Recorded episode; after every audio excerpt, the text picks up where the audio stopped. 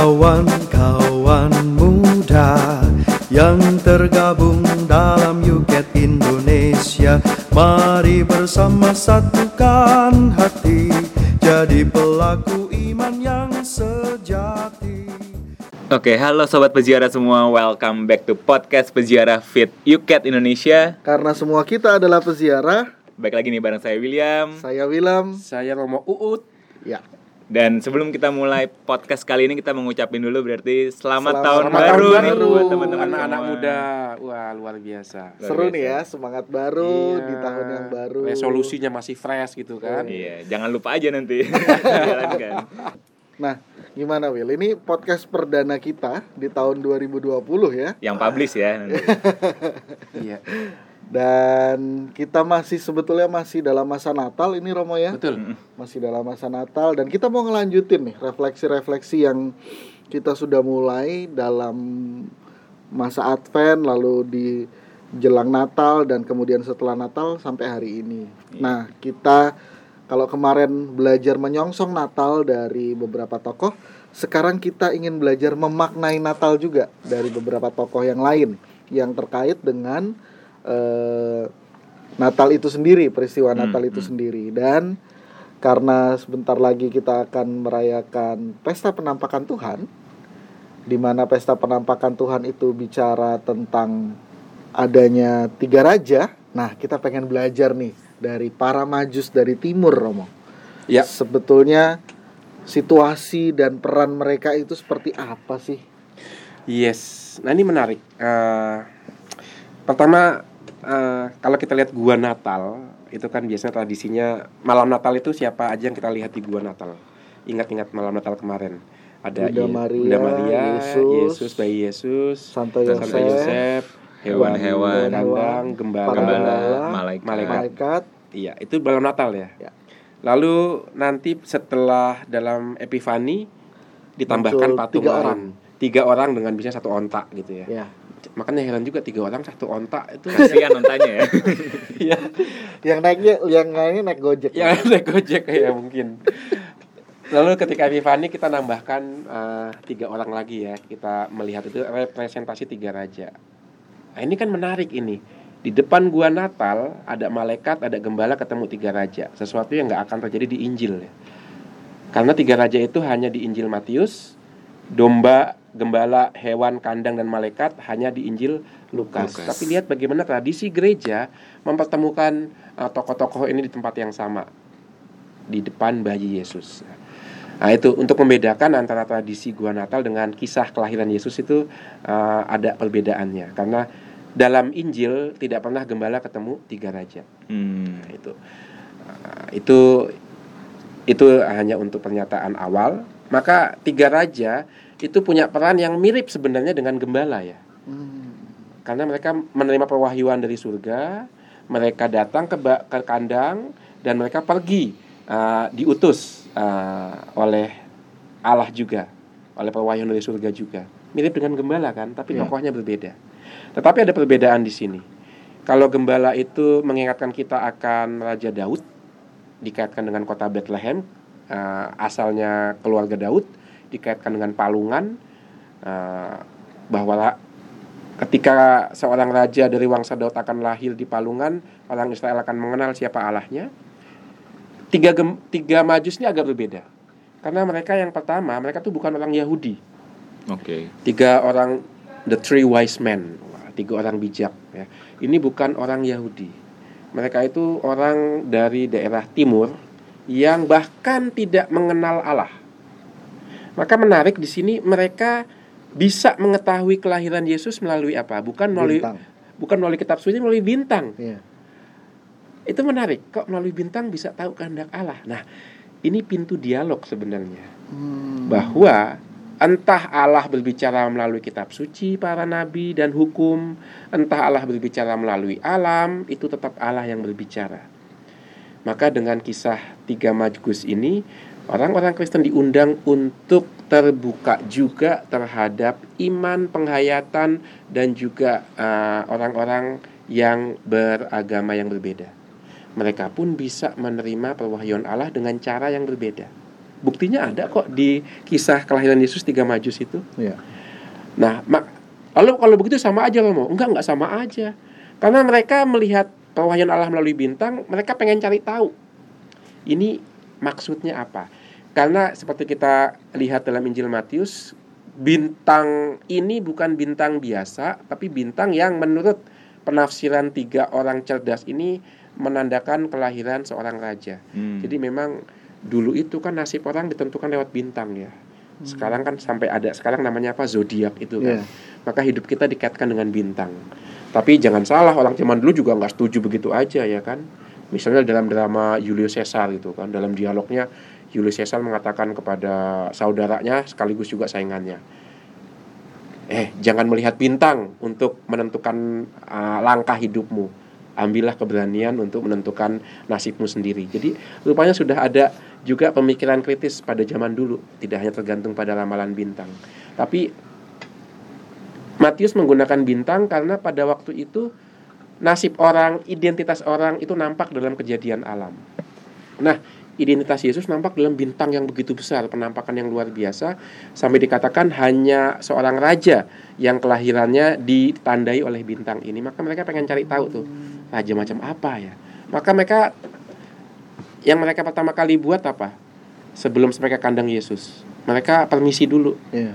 kepada si pemilik wilayah, Herodes Agung Dan bertanya di mana? dan bertanya kan di mana raja itu akan lahir. Eh, tiga raja ini nggak tahu sosial politik, nggak tahu nggak tahu sifat Herodes yang sangat sensitif kalau ada saingannya ya kan. Karena dia kira mungkin itu anaknya Herodes yang. Persis mungkin ya, maka dia datang ke kerajaan dipikir anaknya Herodes ya. Iya. Makanya kan tiga raja itu makanya dia bintang atau perwahyuan yang disampaikan Allah melalui alam itu perlu dielaborasi untuk sampai pada perwahyuan yang sejati. Bisa salah jalan juga, Eh, tiga maju salah jalan dia ke istana Herodes. Dan kita tahu kalau membaca tulisannya Yosifus, Flavius Yosifus dan para sejarawan, Herodes ini raja yang eh bengis luar biasa ini. Demi tahtanya dia akan mengorbankan bahkan anaknya sendiri. Maka ada satu anekdot yang mengatakan lebih baik dilahirkan sebagai seorang maaf, ini agak kasar. Lebih baik dilahirkan sebagai babi daripada dilahirkan sebagai anaknya Herodes. Oh, Karena begitu sadisnya Herodes, begitu tahu anaknya akan menggantikan dia dibunuh. asu. Begitu tahu istrinya gosipin dia dibunuh. Oh. Nah, itu Herodes Agung seperti itu, sadis. Maka orang taat sama dia karena takut Ketakutan. ya. ketakutan itu. Maka disebut Herodes Agung.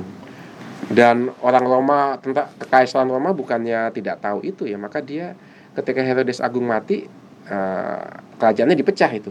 Hmm. Karena ada salah satu anaknya juga yang namanya Herodes Arche Archelaus itu Hmm. yang rupanya punya DNA yang sama kekejamannya dengan bapaknya tuh. Maka cepat-cepat dia diganti lalu eh, diutuslah seorang gubernur jenderal untuk eh, menguasai daerah Yu- Yudea, salah satunya Pontius Pilatus ya. Nah itu Herodes seperti itu. Eh ya tiga raja datang ke dia memberitahu akan datang seorang raja. Gimana nggak ngamuk Herodes ya kan? Iya. Ih saingan saya nih. Loh kok orang dari luar sampai datang berarti ini kan saingan saya yang paling berat ini. Iya. Nah itu. Jadi memang tiga majus itu bisa salah ya. Jangan dibayangkan mulus tiga raja dengan do onta nyanyi nyanyi. No, mereka bingung mereka. Mereka dalam kebutaannya mencari tahu, mencari kebenaran, salah datang. Eh, tapi ya, ya itu resiko, resiko mencari kebenaran seperti itu. Herodes juga nggak tahu kan, maka dia memanggil para ahli kitab suci kan. Iya. Lalu kitab suci membuka kitab Mika lalu mengatakan di Bethlehem di tanah Yudea karena ada tertulis engkau bukan yang paling kecil dari suku-suku Yehuda dan seterusnya. Lalu tiga raja dibantu oleh kitab suci, oh di tempat ini. Maka Hmm. perwahyuan melalui alam tidak cukup. Perlu perwahyuan yang historis artinya melalui relasi Allah dan bangsa Israel. Maka terwujud apa yang dijanjikan oleh para nabi melalui bangsa Israel, bangsa-bangsa akan datang ke tanah Yudea dan menyembah Yahweh. Datangnya tiga raja itu memenuhi janji Allah kepada bangsa Israel bahwa segala bangsa akan datang dan mengenal siapakah Allah itu. Nah, itu fungsi tiga raja di situ. Mereka orang yang dekat dengan Allah tapi tidak kenal secara pribadi sebagai pribadi Allah karena mengenalnya melalui alam. Ini bisa dijadikan dasar untuk uh, pendekatan kita terhadap agama-agama tradisional sebenarnya Hmm. kan yang membaca kehendak Allah melalui alam, melalui uh, relasi dengan hewan, dengan tumbuhan, yang semuanya punya fungsi tapi dalam iman kita itu perlu dipertegas, diperjelas dengan pewahyuan dalam sejarah yang terangkum dalam kitab suci. Tapi yang menarik apa yang menarik kemudian mereka keluar dari Herodes, istana Herodes dan bintang itu muncul lagi dan menuntun mereka sampai ke tempat di mana eh, Yesus dilahirkan. Tadi saya menyebut Mika, nubuat Mika dikatakan Bethlehem. Eh, nubuatnya yang dikat, yang dibacakan oleh eh, para ahli kitab suci di depan para majus tidak disebut Bethlehem sebenarnya. Tidak disebut Bethlehem tapi eh, disebut Galilea. Hmm. karena terang akan terbit darimu. Ya, ya. Di daerah Galilea dia akan dilahirkan. Nah itu. Dan tiga raja datang ke sana mengikuti bintang lagi tapi sudah dituntun oleh isi kitab suci. Dan ketika mereka berjumpa dengan Yesus apa yang mereka keluarkan masih ingat nggak? Persembahannya apa aja? Mas, kemenyan, mur. itu kas persembahan untuk seorang raja. Emas jelas ya. Emas itu kan benda yang lekang dan abadi melambangkan keabadian uh, yang uh, apa namanya keabadian kuasa raja yang lahir. Hmm. menyan menyan itu kan Dipakai dalam dipakai ibadat. dalam ibadah. Maka ini bukan hanya raja biasa tapi menghubungkan umat dengan Allah. Dan menyan itu barang yang mahal. Itu di diimport oleh bangsa Israel. Jadi dari Jazirah Arab melalui kota Petra diteruskan ke daerah lain. Maka kota Petra itu kota dagang tuh. Singapuranya Timur Tengah lah kurang lebih ya Petra itu. Nah, itu itu menyan diimpor tuh barang-barang mewah. Ah, dan mul juga itu juga ah, yang wangi-wangian juga. Maka dari persembahannya kelihatan ini persembahan mewah hanya untuk para raja. Hmm. maka bayi yang lahir ini memang seorang raja persis seperti yang mereka pikirkan. Nah, yang menarik setelah mereka bertemu Yesus mereka diberitahu melalui mimpi. Oleh malaikat. oleh ya. malaikat. Eh sekarang nggak lewat bintang lagi.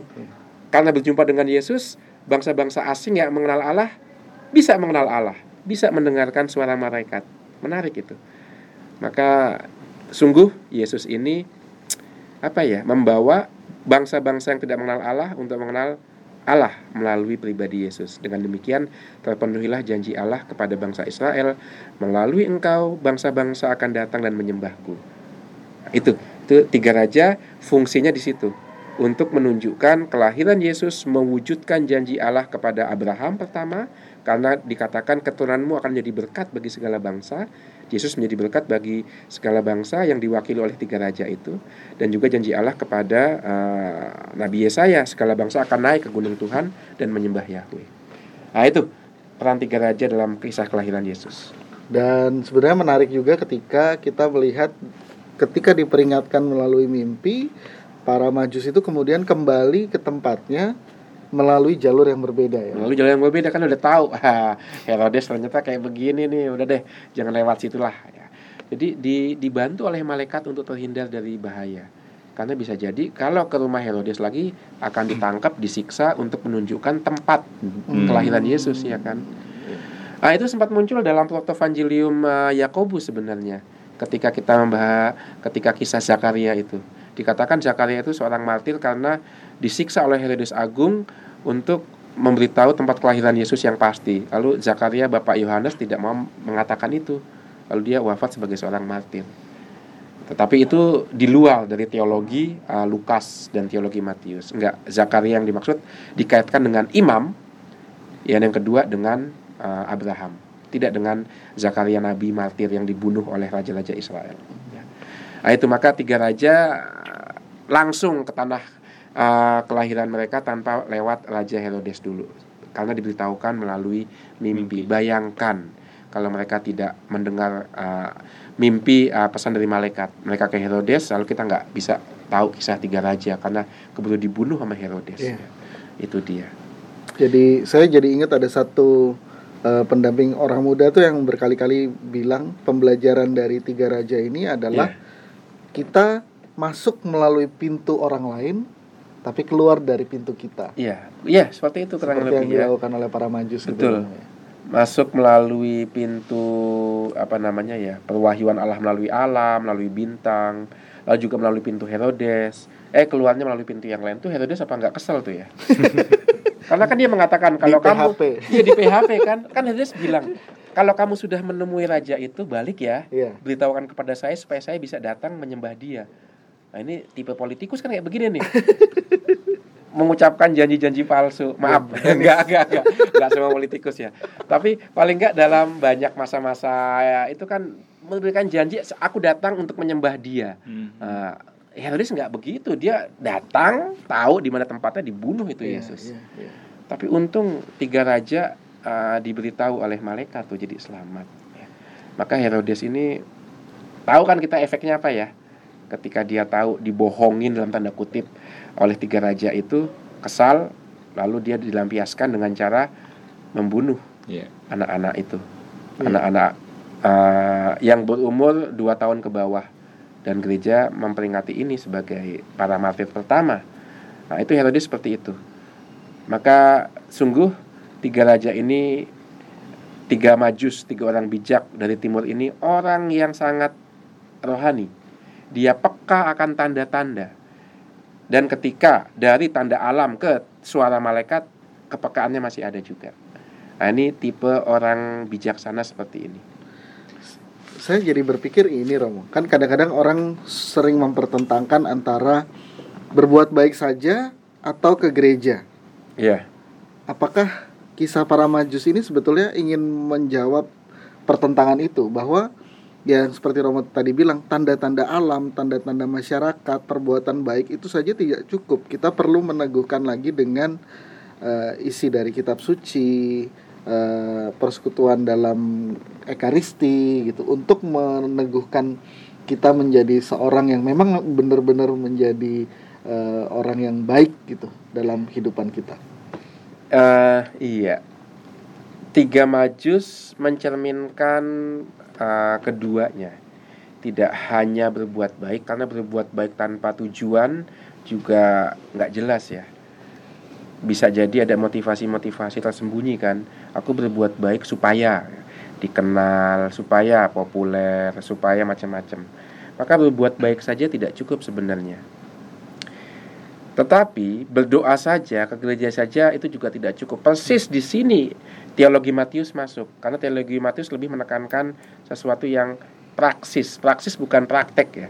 Praksis itu berarti menggabungkan teori dengan tindakan konkret. Hmm. Kalau praktek itu ya praktek kerja nyata, praktek sesuatu yang dibuat. Nah, tapi kalau praksis itu seperti menghubungkan teori dengan eh, batin dengan apa yang dibuat. Maka tiga raja ini sebenarnya bisa eh, adalah contoh dari mereka yang menggabungkan keduanya. Mereka mencari kebenaran dan mereka hidup sesuai dengan kebenaran yang mereka cari. Itu. Ada yang mengatakan berbuat baik saja lama cukup, nggak perlu ke gereja. Oh, sorry, berbuat baik. Apa yang kamu tahu baik dari mana? Tahu ini baik dan buruk dari mana kamu tahu itu? Oke, kamu baik menolong. Ya, tahulah kamu berbuat baik kan menolong orang miskin ya, memelihara yatim piatu. Oke, silahkan. Tetapi tanpa ah, tuntunan yang jelas. Misalnya kamu berbuat baik, perbuatanmu ditolak, tidak dihargai. Apa yang kamu buat? Marah, mutung. Kalau kita berbuat baik tanpa landasan yang kokoh, tanpa ah, landasan yang kokoh ya akan akan mudah patah di jalan. Seperti yang dikatakan Tuhan Yesus kan, siapa yang mendengarkan firmanku dan melaksanakannya, dia membangun rumah di atas batu karang. Ingat pertama-tama mendengarkan loh. Iya. Itu berarti kan bisa berdoa, baca kitab suci, ke gereja, mendengarkan dulu. Setelah itu baru melakukan. Iman lahir bukan dari perbuatan tapi dari Pendengar. pendengaran ya. Maka mendengarkan itu penting. Itu yang dibuat tiga raja. Mereka lihat bintang dulu baru jalan ya. Nggak jalan dulu tapi cari bintangnya, nggak. Mereka lihat bintang, jalan, dengar kitab suci, jalan lagi, dengarkan malaikat baru jalan lagi. Mereka kalau jalan tanpa pendengaran bisa jadi ketangkap sama Herodes itu. Bisa jadi nggak tahu, nggak menemukan Yesus. Maka mereka melihat, mendengar, baru melakukan. Maka tidak cukup berbuat baik tidak cukup. Ingat apa yang dikatakan Yesus ketika ada orang mengetok-ngetok, bukankah kami mengajal dalam namamu? Bukankah kami mengusir setan dalam namamu? Itu kan perbuatan semua. Tapi Yesus mengatakan, siapa kamu? Aku nggak kenal. Hai kamu yang melakukan banyak kejahatan. Karena mereka berbuat baik tanpa relasi batin dengan Yesus. Nah, itu. Uh, itu masalahnya di situ. Oke. Iya. Nah, eh, bicara tentang pemberian Mas Kemenyan dan Mur, Romo, Iya. itu eh, ada yang mengatakan itu adalah ingin melambangkan juga martabat Yesus sebagai imam, raja dan nabi. Iya. Apa benar begitu, Romo? Iya, seperti itu. Karena memang itu kan martabat Yesus yang kemudian juga martabat yang kita terima ketika dibaptis. Ya. Imam terkait dengan menyan, mur itu juga wangi-wangian juga sebenarnya terkait dengan pengurapan, kenabian, lalu juga emas ya terkait dengan raja. Nah inilah martabat Yesus yang diakui oleh orang-orang non Yahudi. Tiga raja itu kan non Yahudi Iya. dan mereka mengakui eh, siapakah Yesus yang sejati. Menarik di sini dalam Injil Lukas dikatakan ketika tiga majus mengatakan lahir seorang raja, Matius mengatakan Herodes seisi rumahnya dan seluruh Yerusalem takjub. Dikatakan pada saat yang bersamaan Herodes, seluruh isi istana dan seluruh penduduk Yerusalem. Cepat banget beritanya. Itu pakai WhatsApp belum ada. pakai apa internet belum ada. Tapi Kentongan, seket- kentongan kali ya. Seketika itu juga seluruh Yerusalem takjub. Itu Injil Matius mengatakan begitu. Dengan kata lain untuk mengkontraskan kok yang tahu orang asing? Kok yang tahu orang Yahudi? Bukan orang Yahudi tapi orang non Yahudi kenapa orang asing yang nggak mengenal Allah yang lebih dulu tahu Mesias itu lahir? Kenapa bukan kita? Itu kan sebenarnya sebuah kritikan untuk orang Yahudi sendiri.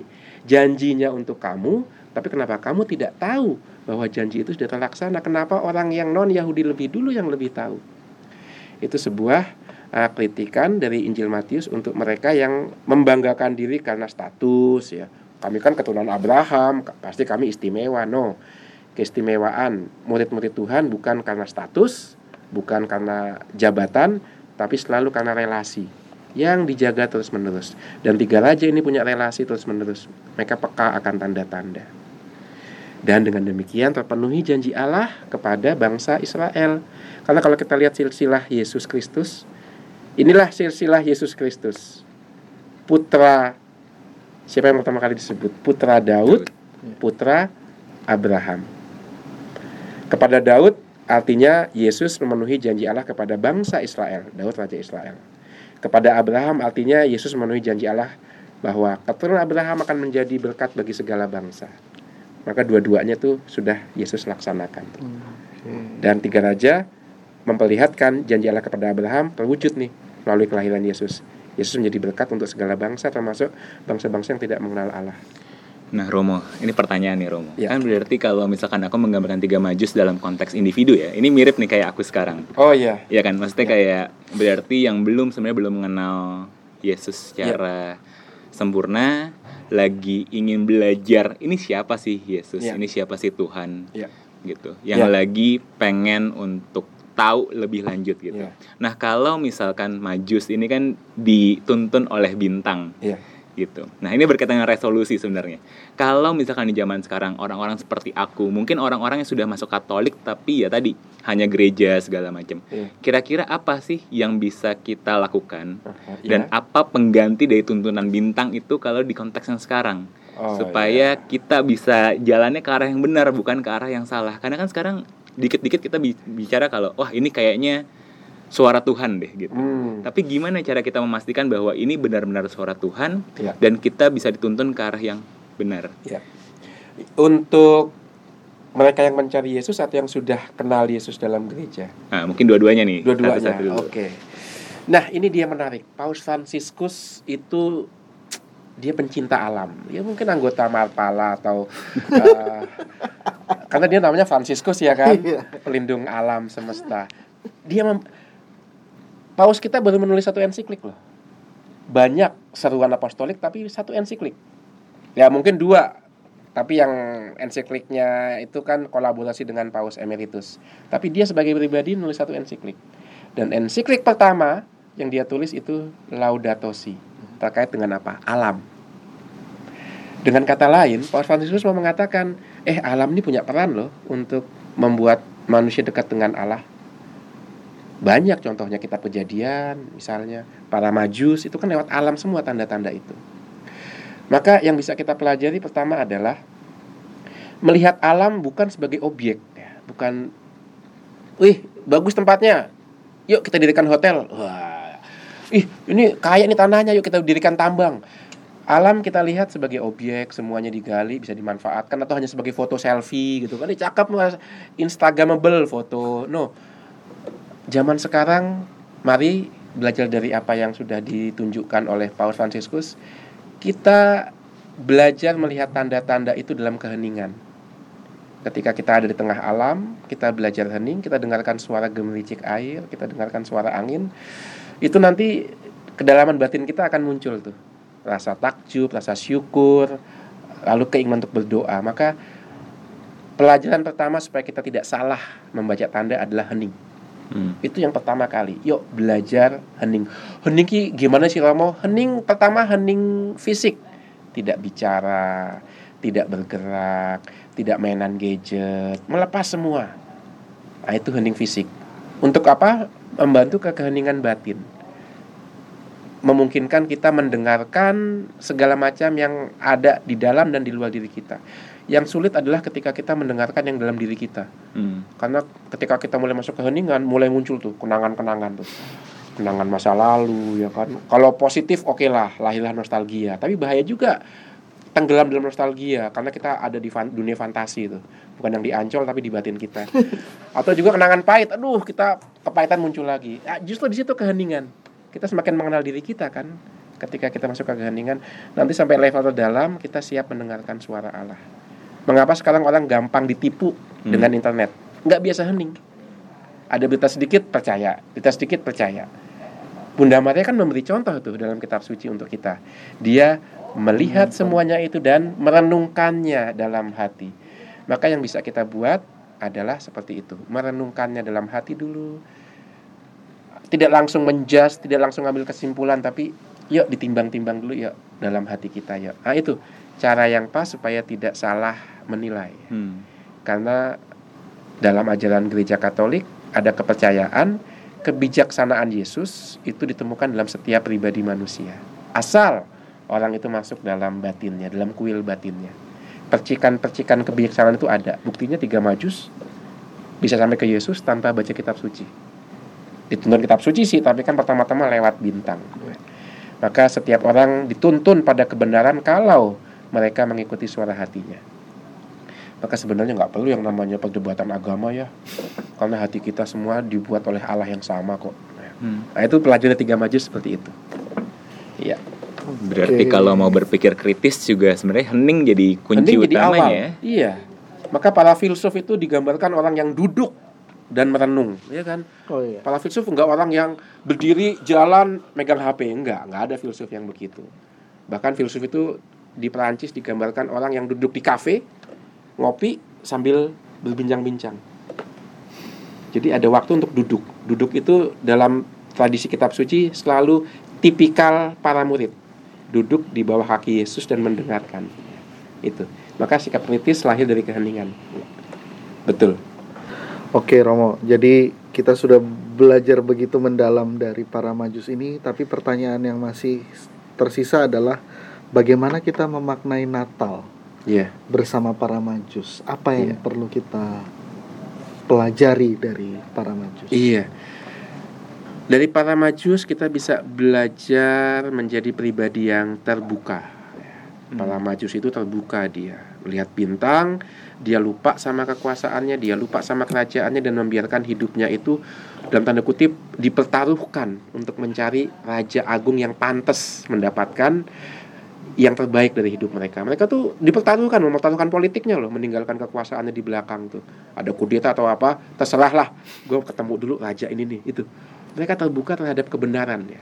Bahkan kalau kebenaran itu datang dari uh, suku budaya yang berbeda di tengah dunia yang dipecah-pecah ya jangan langsung ke soal politik agama soal merek HP aja bisa bikin berantem kan Android atau iPhone wah itu itu kan perpecahan sampai hal seperti itu coba. Kita gampang dipecah hmm. belah. Para majus mengundang kita untuk uh, dengan keterbukaan pada kebenaran kita berani berdialog. Kita berani menyapa orang dalam perjalanan kita. Maka seperti yang dikatakan Paus Franciscus mulailah budaya perjumpaan, the culture of encounter ya, dan budaya uh, apresiasi uh, terhadap yang berbeda. Nah, ini kita bisa belajar dari para majus uh, keutamaan ini. Belajar terbuka, melihat tanda-tanda alam, Iya. melihat eh, penerangan dari kitab suci, Iya. mendengar suara Tuhan, apa pun ya Romo. Iya, Belajar itu terbuka, terbuka. terhadap apa pun. Iya.